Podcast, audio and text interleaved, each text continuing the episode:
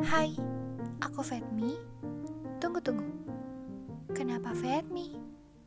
Hmm, karena selain itu singkatan dari namaku, bersamaku juga, kalian, eh kita, kita akan belajar mendewasakan diri dengan terus-menerus.